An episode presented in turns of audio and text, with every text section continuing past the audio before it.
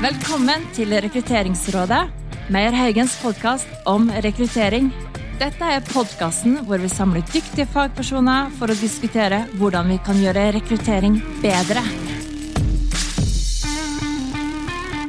My name is Petter Meyer, and I'm a managing partner of the recruitment company Meyer Haugen. I'm going to host this workshop.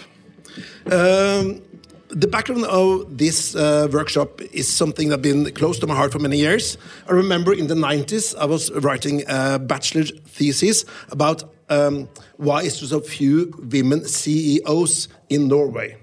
And I looked at uh, a lot of background, uh, like um, upbringing, education, the glass roof, and everything. And I found that around 5% of the CEOs in the in private company was women.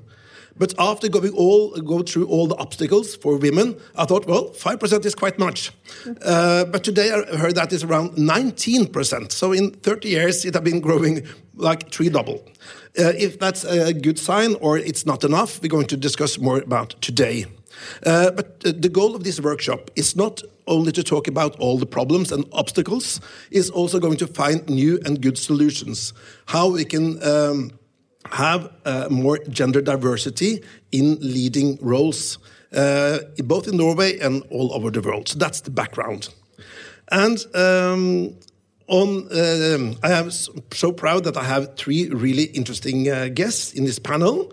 First, uh, we have the uh, former Minister of Finance and chairperson of my and Sverre's company, Siv Jensen. Welcome. And we have a president of the Norwegian Football uh, Federation, Lise Klaveness.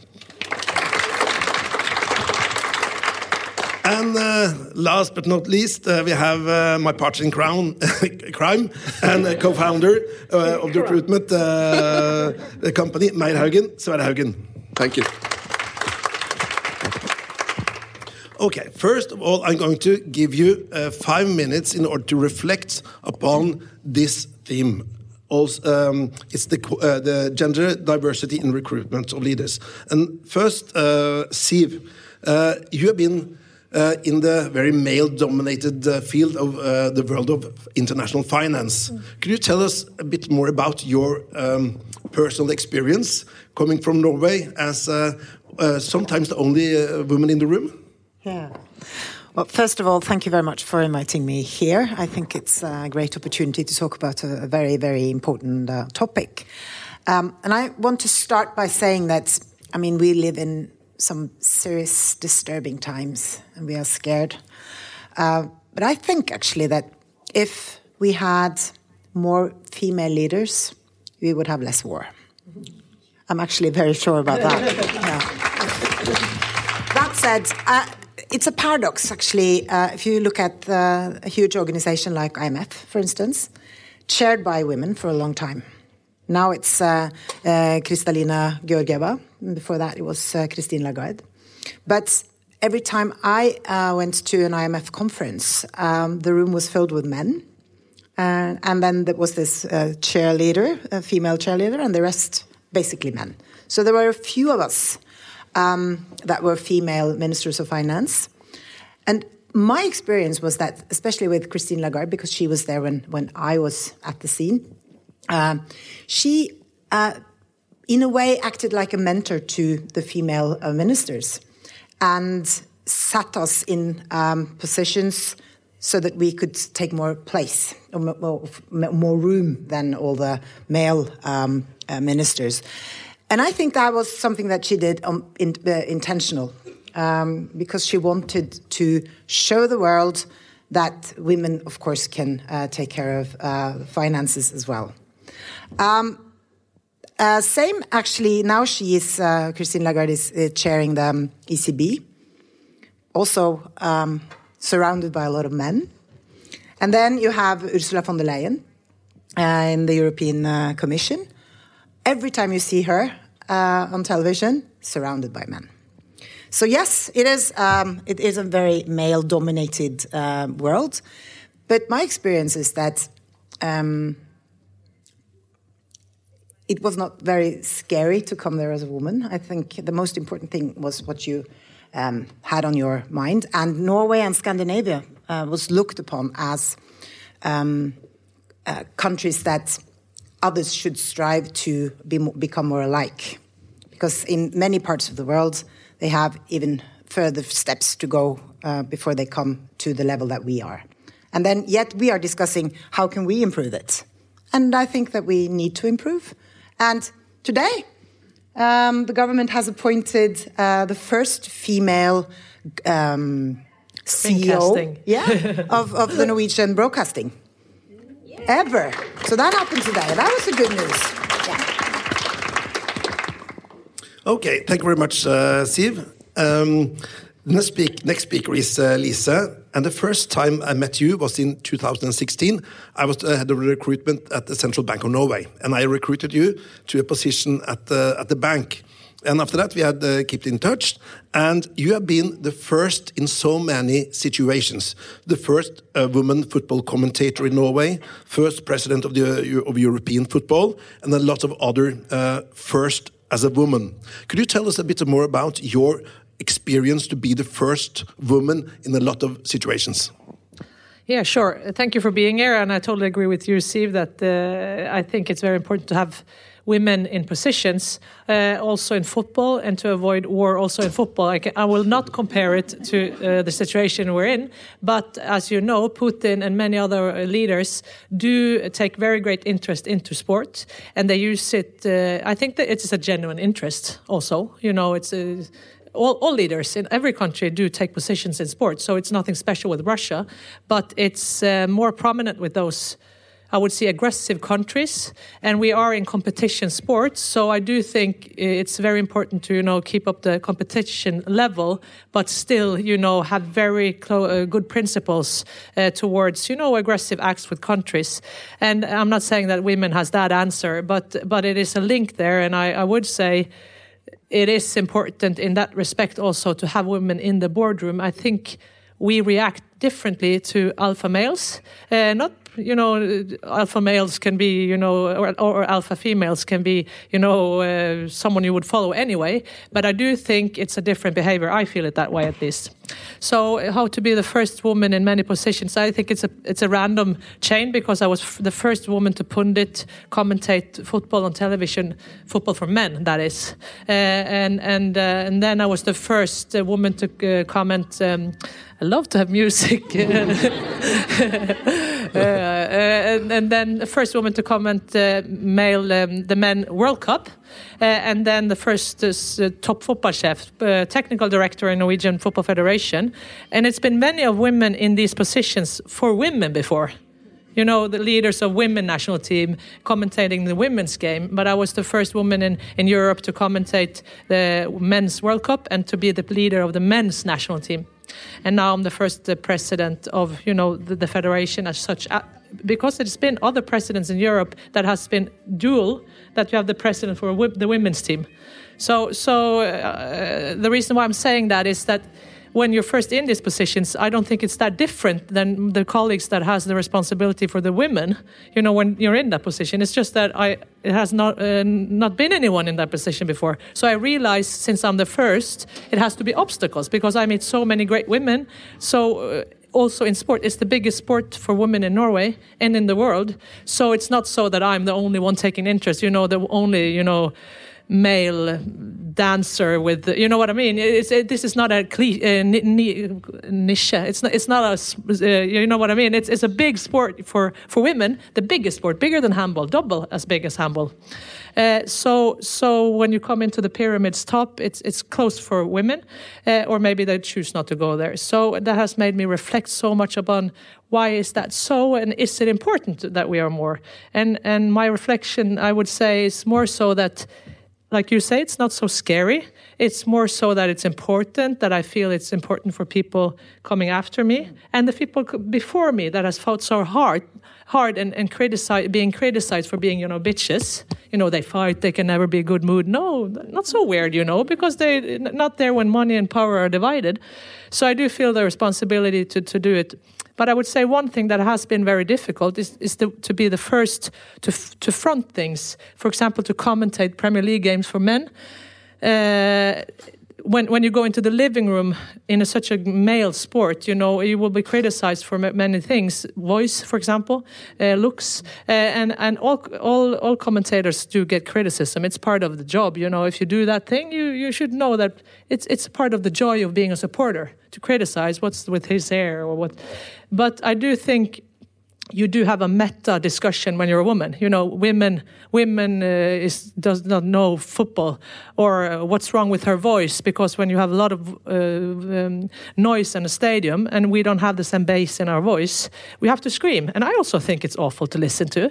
You know, I scream. I have a nasal voice. and my mom says, you know, it's just in your head. Everyone thinks they have a bad voice. And then I commentated a game, and all of Norway thought it was a bad voice. I was like, oh, you got to be uh, honest with me. It's an awful voice. But then I realized it's also these technical things. It's because of the mic microphones. They don't have sound. They don't have the system to, you know, be prepared for a movement's. It is a bad sound. You know, it should have helped me to lift my voice. You know what I mean? So many those things. So I would say. Uh, maybe I'm over time now, but it's been very interesting to be the first because then you come to technical uh, uh, technical stuff or uh, obstacles that uh, that has not been adjusted for women. I've been very conscious that um, that uh, we are women. you know, we have some uh, separate needs. Uh, also, that for example, before we go into TV studio, I, have I've taken notice that I will always get comments on my, my comments on my looks. It, it, not, not, my male colleagues would not. Ugly or pretty, you know, uh, you know, and uh, each are both are like, you know, I'm, I'm not there to be a model. But then then I also realized that we also spend one hour in the makeup chair while my male colleague does not. So it's also a system where we, you know, have this at display. So sometimes I played with the thought to just go in without any makeup and hair everywhere, but I, I'm not even close. You know, it's like, no, I'm scared myself. But uh, yeah, so it's made me reflect that I wish sometimes that we could, you know, uh, be more to the subject of what we're talking about. So I've tried to contribute to that, that put football in center, and you know, uh, yeah, yeah, to be the person to to be very prepared and to talk about the subject, not my gender. Thank can, you very can much, I just add, because um, I just remember a very very um, funny story uh, when you talk about technical equipment because these microphones made for men, not made for women. So regularly uh, before a debate, um, when you are mixed up, we always say you have to put it in the bra because. Yeah. You know. and then once um, Prime Minister Erna Solberg and me, uh, we were uh, on our way into a TV studio, and there was this young trainee boy uh, to help us with uh, the microphones. poor, poor little thing. I mean, my God. What we did was that we said, okay, put it on, and then you just just put it in the you know in the bra, and we took off our dresses and stood there almost naked, and he was like. He was blushing and he was he couldn't do it. So that was funny, and that was just to, to state an example. Make the technical equipment uh, fit for women as well. Yeah.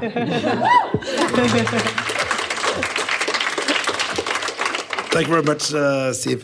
Yes, uh, Sverre. Uh, you have been author of the book uh, Jobbsøkerkoden, or uh, you are a partner at uh, the recruitment company uh. You have a lot of experience recruiting both men and women. Could you just uh, tell us a bit more about your experience in, from the recruitment world? Yeah, and first of all, I, when you as you ask yourself, Lise, is it really important that I'm the first?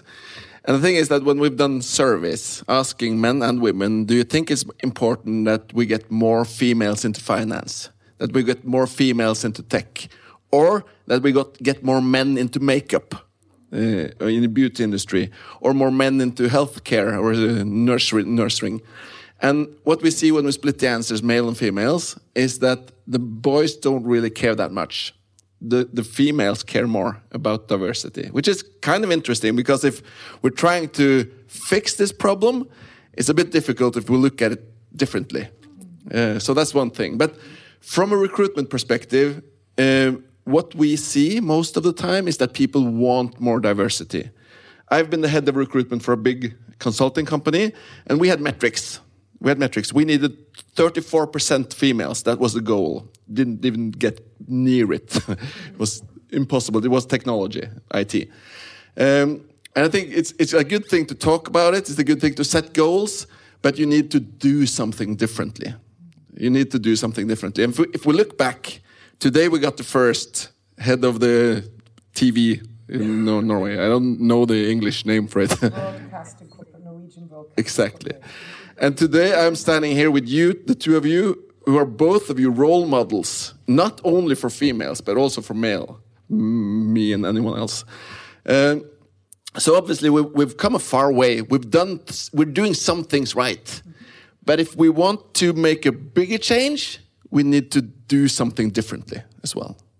So that's that's uh, some of the things that I'm looking forward to discuss with you today. But do you have any su suggestions, uh, Sverre, what we could do differently in recruitment? I think I think we have many things we can do differently. Uh, uh, one of the things we we are a recruitment company, and sometimes we have clients saying that we want a diverse shortlist. We want 50% males, 50% females, for example. And that's uh, that's something you can say as as our client, as our our customer. But we can also set our own standards. So in one of the in the latest sales meeting I was in, I told I told our customers, you should ask us for a diverse shortlist. So that we get the push to do that. Because what we know, what we see in studies, or once again science, is that if you have one female on a shortlist as opposed to two, when you have two females, the chance increases 79 times that you hire a female. And it's the same for minority, other minority types. So just increasing the number on the shortlist, that's one step. But who does that? I was in HR. No one asked me to do that in HR. If you work with recruitment, set yourself some goals. Or if you are a manager, a leader, or if you're becoming a leader, set some hard metrics on these things. Maybe not the goal of 34%, because that's kind of impossible, but more people on the shortlist, then the goal will follow. That's what I think. Thank you very much. Uh, yes, uh, Lisa, uh, as a newly appointed president of the Norwegian Football Federation, do you have set any kind of gender uh, equality goals for your organization?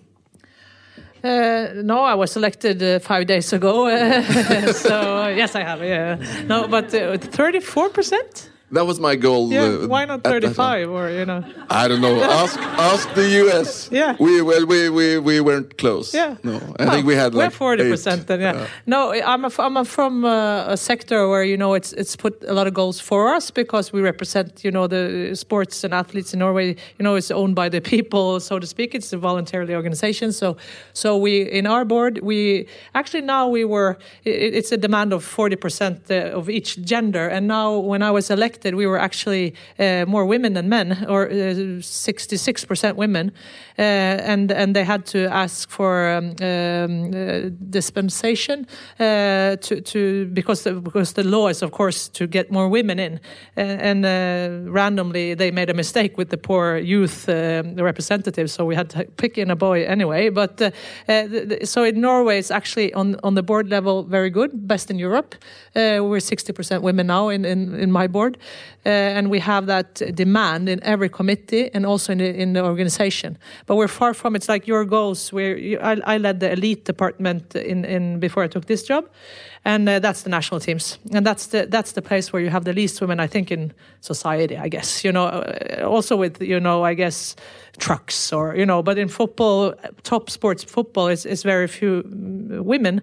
And it was also hard for me to hire women you know, it's, an, it's not so that I have all the answers. I, I worked there for three years. I hired very many people, and uh, all, all me, men team I hired men.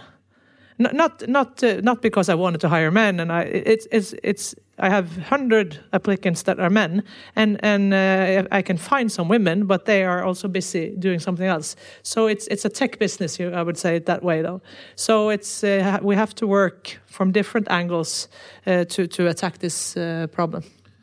Yes, uh, Siv, uh, what's your experience from your organization back in the days from uh, your political party in order to uh, have women kind of standing more uh, in in the in the spotlight?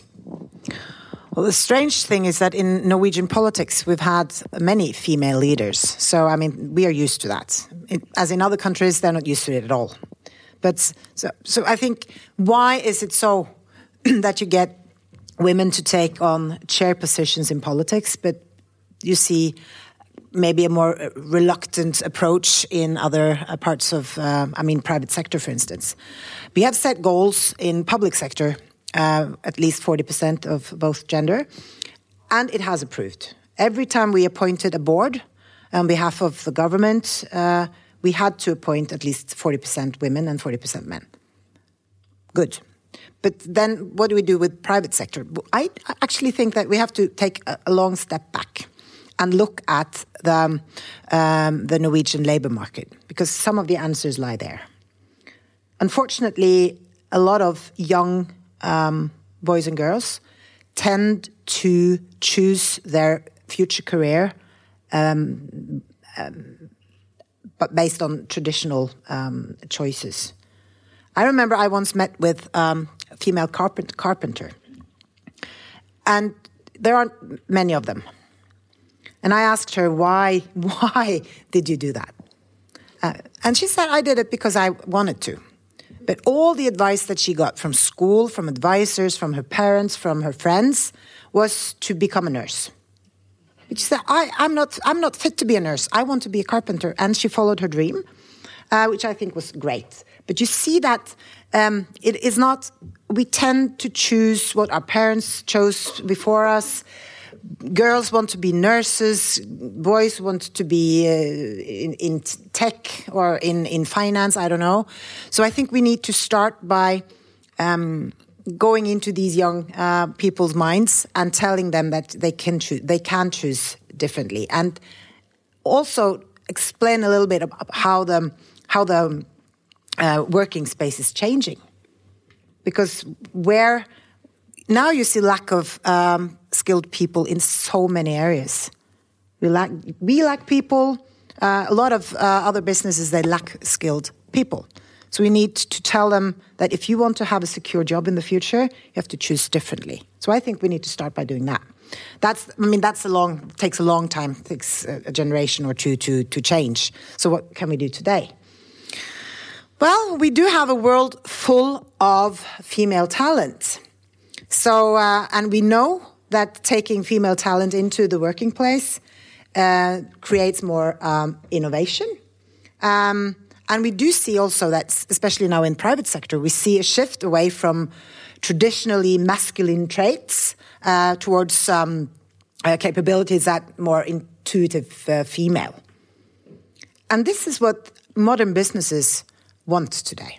They want um, um, employees that are able to solve problems, employees that uh, can uh, deal with collaboration with others, um, uh, want to see more adapti um, um ad adaptability, um, and also emotional intelligence. Those are criteria uh, and that are getting more and more important in the working place. Which means that the CEOs or the board of directors in all these private companies they have to change, otherwise they will be very um, they will fall behind. I think that the scene is changing now because all of us are changing. We we um, make decisions based on other values today than maybe 10, 15, 20 years ago. So it will change. I think I, am actually very hopeful. I think I think it's going to be better. Sverre, your comments? Yeah, I was I was uh, thinking about your your situation, Lise, where you have sort of when you have the applicants, it's a lot of men, right? It's the same within some industries. It, maybe it's the same for some leader positions as well. I don't know. But when you have this um, unbalanced group of candidates, people, and when you do classical recruitment, like if you post a job ad and you hope for some applicants, then you will get the the skewed list. It will be more men in tech. We, and we don't, by the way. We, we don't have classical recruitment. We are very on references and but it's still men. Okay, yeah. You know, it's football coaches, so you would know who they are. Yeah, yeah. It's not very many women. No, but it's it's yeah. But Sverre, you have been doing some research when it comes to job ads because that's really important.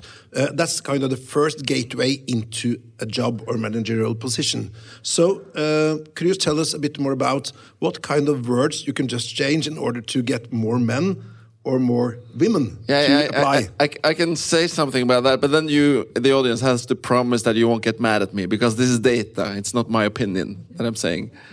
And we did we did this study that we asked people if you if you see this word as a part of the qualification list, we look for someone who is hungry, a hungry salesperson, or someone who is learning oriented, or a list of different words.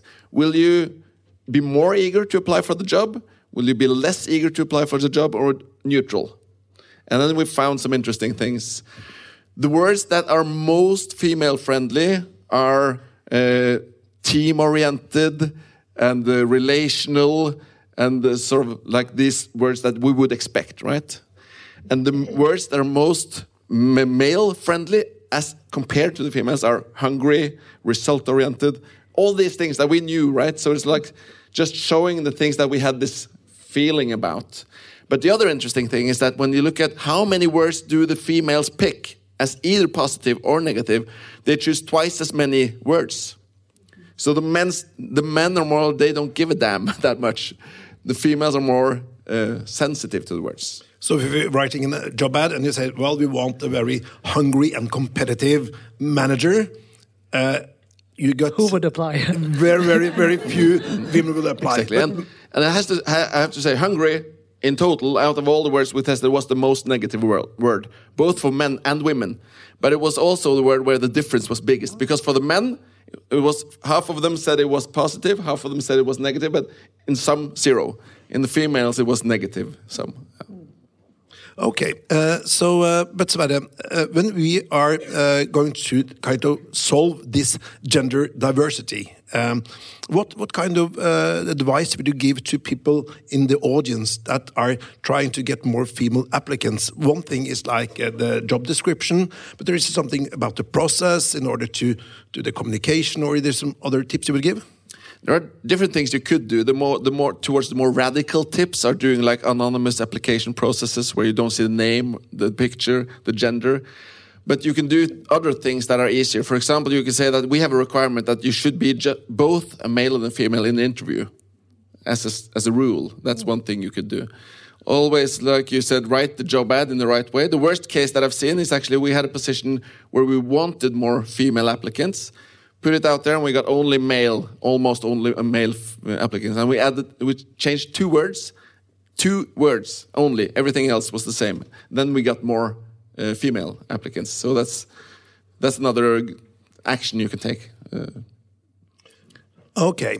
Uh, is there any questions from the, the audience uh, to the panel? Yes. Which words? It was it was these types of words. I think we went from um, from uh, result oriented and some of these others uh, for, forward leaning and result oriented to humble and willing to learn. it's sad. Yeah. Okay, we have the uh, question on the first row here. That was the exact same question. Okay. yes. I have a, a rather a comment. Um, I mentioned that I have a startup and I do these kinds of uh, uh, pilots with different clients and uh, your uh, statement is coming from really, really good facts. So we did the same for startup innovation. We just changed the language to more feminine. We didn't have to do anything, and all of a sudden we have seven out of ten applicants who were women. So they were responding more to support, collaboration, teamwork, a happy and pleasant environment rather than uh, result oriented and uh, goal and ambitious. So they rather have a really nice time at work. So that's the language, the tone that we changed to feminine, and all of a sudden, majorly women started applying. So mm. it's a really good point there. Thank you very much.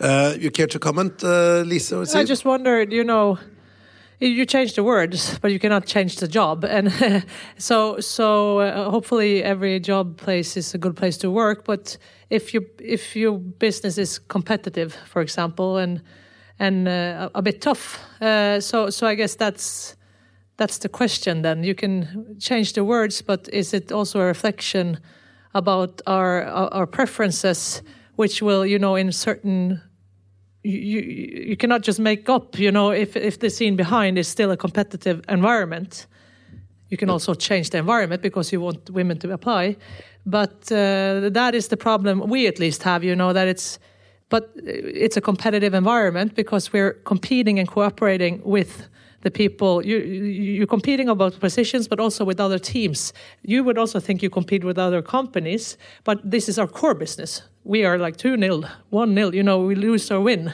It's, it is a competition. But it also, it's also, and this is, I think, is it is the biggest sport for women in the world in, in Norway. It's much bigger than yoga, or you know, it's actually what girls prefer. So how can we find that, you know, synergy between? Because it's also pleasant, it's also cooperation, it's also nice, you know, it's also teamwork. It's almost just teamwork. So I do think still it's very important to to do these reflections, and to, to take the other angle of these more hard teamwork is actually much more important than ambition, for example. That's a very good point. I had a question related to that. I, I mean, the words, the words are a funny business overall. but does it also imply that women from all sorts of backgrounds or all sorts of walks of life, we need to change our mindset at certain level? Like rather than celebrating every first, like women in broadcast, uh, political positions or sports, do we also need to realize that hey i can be a power hungry person and not in a bad way like why not mm-hmm. so do you think we also need like for every thing that has to happen do we also need to look the words with the mindset in a very positive way or very like boom like straightforward way like two or nil something like that is it very important Siv, would you comment on that well I agree because I think that we cannot leave this responsibility to everyone else. We have to start with ourselves. And I, have said it in many, many uh, speeches that I've held over the years that we uh, women we have a tendency to wanting to master our tasks like by 120% before we um, dare to apply, dare to take a step forward. While men, in general, they are comfortable with with mastering like at the level of 70% because they know that when they take on the job they will learn and they will be good at it and that's what we need to do as well i mean when i became minister of finance um, there isn't a book to read on how to how to fill that role you just have to take it um, and you have to just go for it and i think that more women need to go for things don't think through everything to I mean, don't don't think it uh, apart. Just go for it. But I think that I think that um, many times when I was asked about you are powerful person, you have a lot of power when you are in that position, and I al always rephrased it. I said, I, I prefer to call it responsibility. I always said that, and I, I, that came to my mind now. Why? Why was that? Because I, I didn't like the word power. I like the word responsibility, but it's it's the same. Yeah. Yeah. But it's still I still sat there with a huge responsibility, kept me awake at night sometimes. I worked 18 hours a day. It's tough. But if you want tough, go for it. And it's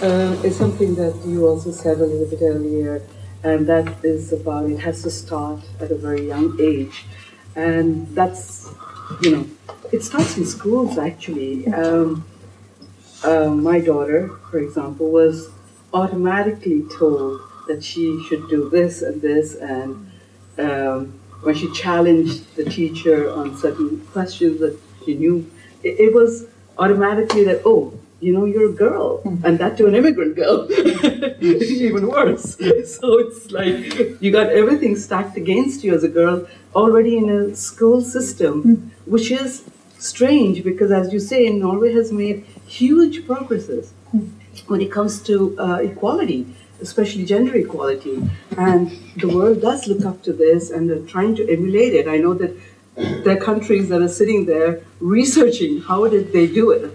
And I think it's the Viking spirit, personally, that you're so good at it. But that, but still, girls are told from a very young age that you've got to behave in a certain way. In this society that celebrates equality, but at the adult age, not when they're that young. What do you think needs to happen here well, as I said before, I think it has to start with with um, the, the, the persons responsible at each school when they are guiding these young uh, young, young children in in their career moves.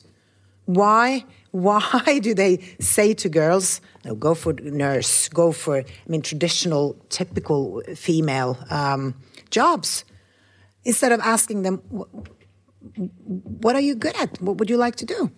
I mean, take away all the, take away the boundaries. Um, because maybe then they will take a different choice, especially also if they know more about the labor market that they will enter into. Uh, but for me, uh, when, I was preparing for this session, I, I thought that it would be good if we talked about um, um, not only about gender uh, diversification, because I think diversification uh, in large is important. And if again go back to the Norwegian labor market, we have so many thousands of people outside the labor market because they have some problems in life. Maybe they have struggled with with um, drugs, or I mean, it doesn't really matter why, but they, they have skills. They can come back to work, and how do we do that? I mean, we need to do something about that, and that's why I'm so eager to talk more about uh, diversification in large. But I, think uh, if you look at what you talked about, also, Lise, you talked about how okay, it is a competitive business, and these things we need to be aware. We need to to to openly address these things, right? Uh, this we we have this term called realistic job preview, which is about explaining what the job is about, not only on the good side but the bad side as well, which is quite important to get the match. And we need to remember when we discuss these things, we do what we shouldn't do. We generalize because how do you know that I'm a common man? How do you know if she's a common female? We talk about females, we talk, talk about men, but we're all individuals with different, different desires, different needs. And maybe I'm not typical, maybe you're not typical.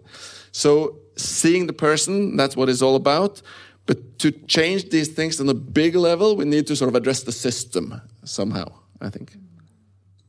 Yes, a lot of hands now. Uh, yeah. Um, I have a question both of you, especially for you who's working with recruitment. Uh, you said that changing the words uh, gives an opportunity for more female candidates to apply. My question to you is um, I feel now that we are working with diversity, not just gender diversity, uh, it should be something that an organization should put forth in the opportunity, not just by words like you said, females don't apply in the football industry. So make it obvious in that uh, that we know that we don't have we have gender imbalance or lack of diversity, and this is the area we as an organization have focus on. And we give you the opportunity to take space. You can be uh, transgender, whatever, but we need different opinion in this sector and we will give you the opportunity to grow and uh, cultivate new culture at a workplace rather than just saying females actually apply on few words. This is, in my eyes, pretty much discriminating.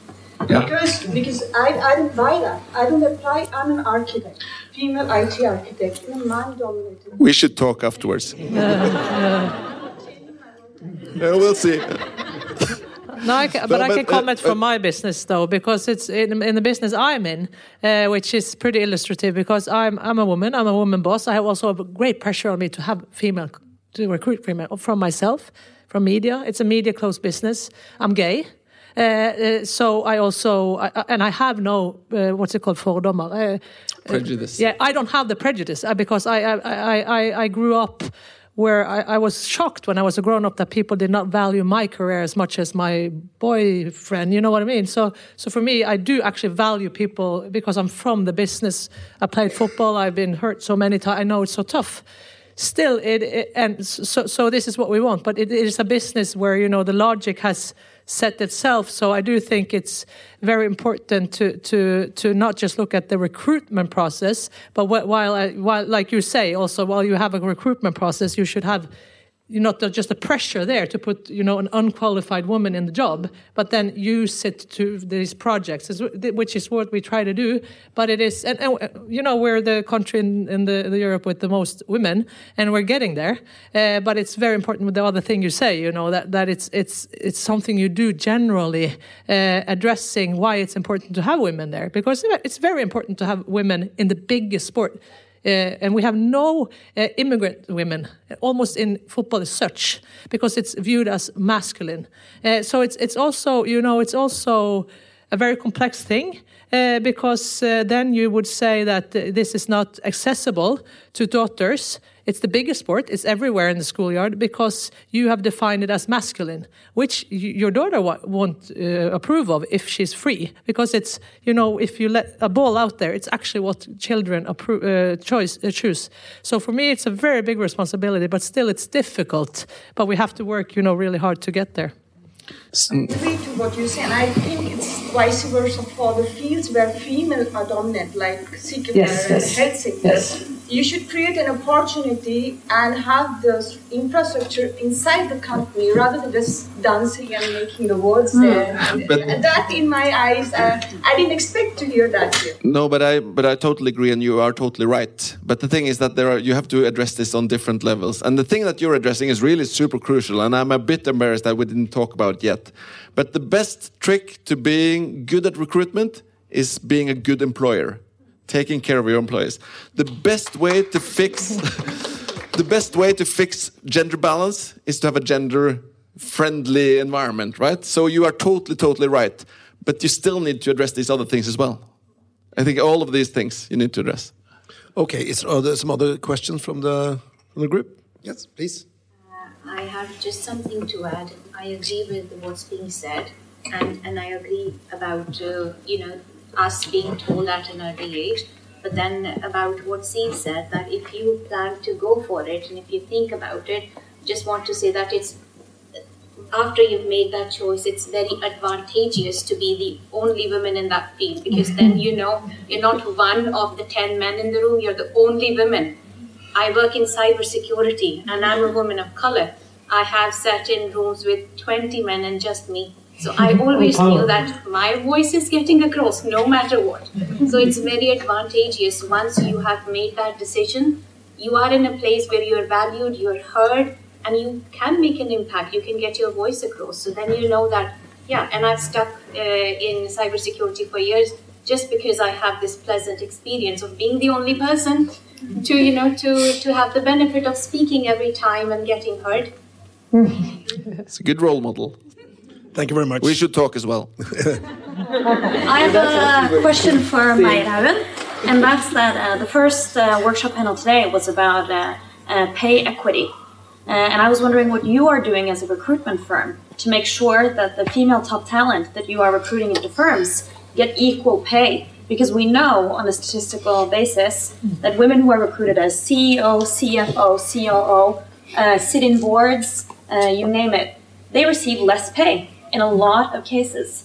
Uh, and I think recruitment firms, alongside the companies that use them, uh, have a lot of potential uh, to do things. So I really want to know uh, what you are doing. It's a really good question. Sverre, or should I? are you asking this question in aspect as when I have an uh, customer and I address this? You know, to be quite honest with you, uh, when we go into these processes, our goal is to try to figure out, okay, what's the sort of what's the threshold, the salary threshold that the employer has, mm -hmm. and then maybe they say we can stretch this to up to 1.2 millions. Mm -hmm. Yeah, and then okay, we know we know this sort of goal, and when we, when we approach candidates, it's always in the first conversation. The first conversation, we will ask you, what do you need? If if this were to be relevant, if you are actually interested in this position, if everything else is right, which salary would you need? And then this is what we sort of bring forward. And we actually don't separate males from females in this point. But what we're eager to find out is what do you need when it comes to motivation, tasks, and salary, right? So it's a bit up to you to ask me what you need, and then I'll bring that forward to the to the candidates. We could, of course, say you should ask for a bit more. Yeah, because you should. Yeah. What, what research Yeah, I- shows is that it's when you show the salary bands, and the higher and lower, or you show it as a percentile, then people are aware. Whereas what all recruiters need to stop doing, and managers and firms, uh, like myself, need to stop doing is asking uh, people, what are you currently making? Uh, then we will perpetuate uh, the gender wage gap, Yeah, wage gap yeah. forever. Uh, because you are probably underpaid in your current fa- firm, and if you are making the jump to become a CEO at a new firm, you will probably be underpaid then too. But Yeah. we are not always asking what you're paying, uh, what you're uh, paid uh, currently, but we ask what what your expectations from the job, and that could of course be a reflection of what you're already making. But it really depends on if you're going from one CEO position to another, then it's more or less the same, or if you're going to take a step up from maybe a mid manager to a senior manager. So, but it's a really good point. Uh, and I can say that uh, sometimes we see women is not that conflict oriented when it comes to kind of negotiate their wages. I think there's a, a, a gender difference there. Uh, so yeah. So how, how have you handled this, Siv and, uh, and Lise, the salary things? Have you been tough? Well, you can ask you. I mean, you came She- looking for me as she's, a, the, the she's chair. tough. Yeah. she's tough. No, but I, I- I think that, I mean, you shouldn't put yourself down. I mean, what are my qualities? Uh, what can I, uh, what can I do for your company? And I want paid. I want to get paid for that. If not, I don't want to do the job. Then I go somewhere else. So I have been tough in uh, all of the positions that I have taken now with my new life, and I love it. Okay, Lise, and that's then the final question from the audience. No, no, just a quick comment on that. It's very interesting. You know, as my wife sits there, she she can also confirm this. I, I've been very much so that I. I don't care about salary, so I've, I've I've never really negotiated. I just whatever, you know. I've just been, been so into. I don't even, you know, pay, pay place the uh, travel bills to the car. You know, this is how I've been. You know, because I've been so. But then I've been more and more aware of this for, for, from a gender. Uh, uh, I, I feel the responsibility. This is part of being first. So now, which is pretty ironic, I think, I was elected the president uh, of the Norwegian Federation. I had a salary in the same organization, being the technical director. So I said to the guys, because president is like uh, the prime minister, it's a, it's a set it's a set uh, salary that, that is voted on. So I said I need the same salary as I have. It's the same organization, and now I have a 1.5 billion responsibility on my insurance. So I need, you know, it's the same salary, nothing more. And then, but that was much higher than the other male president. So it was a big debate in the organization that you know so much salary for me. So the only time it's been conversation around my salary is when I demanded more, and I had pretty much anxiety around this because I've never you know. But then I ended up with a very big comfort around the fact that it's very important now because it's not a high salary in my federation. It's a high salary for a voluntary uh, organization, but this salary I had, which I now also have, it's it's many male in my organization that actually earn more than that. No women, but I'm the top leader. So then I no, I have to. So I did actually feel I, I, it's a high salary. So you know, for a voluntary that debate. But from a gender th- uh, aspect, it was actually motivating for me to like do do some more of that because I've been actually the other, other way around. Okay, the last question from the audience, please. I think I don't have any question, but I will just say so. All this platform we are on, so and the She platform is creating that encourage women to take this action. I'm from Stavanger. I'm working in oil and gas, and it's kind of the most kind of male dominated, and especially if you're working with states, for example, or yeah, or yeah, other countries. So it's very difficult, but all this platform, when I became a young leader there, so you need all of that examples as you see it as uh, you. So it's because we are looking up for you. So as young leaders, we're like, when I was promoted, I was like, okay, wh- what do I do next? Like, and then okay, you listen to conversation, you listen how other women stand up, and then you lead by example. And this is what I so thankful. As uh, COVID is over, and now we can live meeting, and I can just speak about my mind. Like, this is so great. Thank you very much for that opportunity. Okay.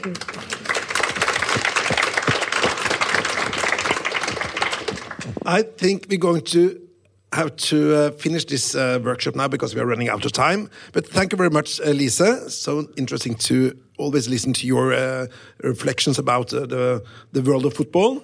And Siv, so nice to to listen to your and your perspective about uh, diversity, not only in gender but in other fields as well. And thank you always to Sverre Haugen, my partner in crime. okay, right. Thank you very much.